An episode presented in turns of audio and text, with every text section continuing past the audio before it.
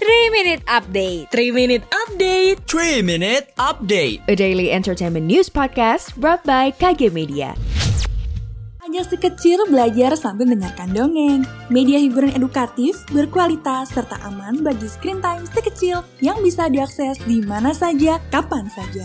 Yuk, dengarkan dongeng kalian orang tua, persembahan KG Media, hanya di Spotify.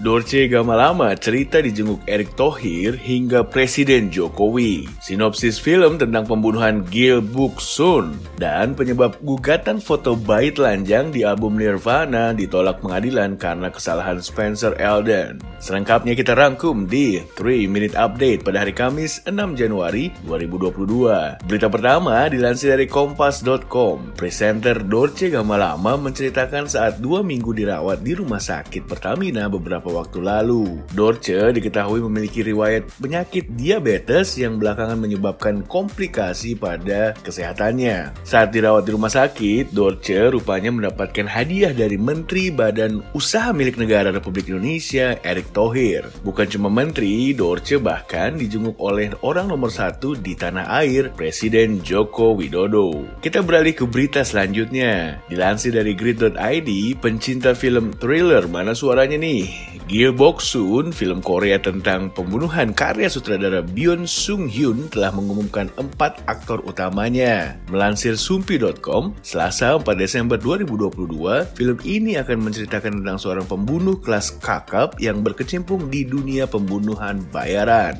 Gil Boksun adalah seorang ibu tunggal satu anak yang tak punya pilihan lain untuk melanjutkan kehidupannya selain membunuh atau dibunuh. John Doyon akan memerankan Boksun, seorang pembunuh yang terampil dan memiliki tingkat keberhasilan 100% dalam membunuh mangsanya. Dan yang terakhir, dilansir dari high.grid.id, sidang gugatan foto bayi telanjang sampul album Nevermind 1991 milik grup musik rock grunge Nirvana telah digelar di pengadilan Los Angeles pada Senin 3 Januari 2022. Hasilnya, Hakim Federal LA telah menolak gugatan Spencer Elden, si bayi yang mengaku dieksploitasi secara seksual oleh band Nirvana pada 30 tahun lalu. Terbukti sebagai penggugat, Spencer Elden malah melewatkan tenggat waktu untuk menanggapi mosi terdakwa yang jatuh pada 30 Desember lalu, sehingga gugatan kasus tersebut resmi ditolak. Demikian 3 Minute Update hari ini, saya Jody Gustaf pamit, sampai jumpa. Jangan lupa dengarkan update terbaru selanjutnya.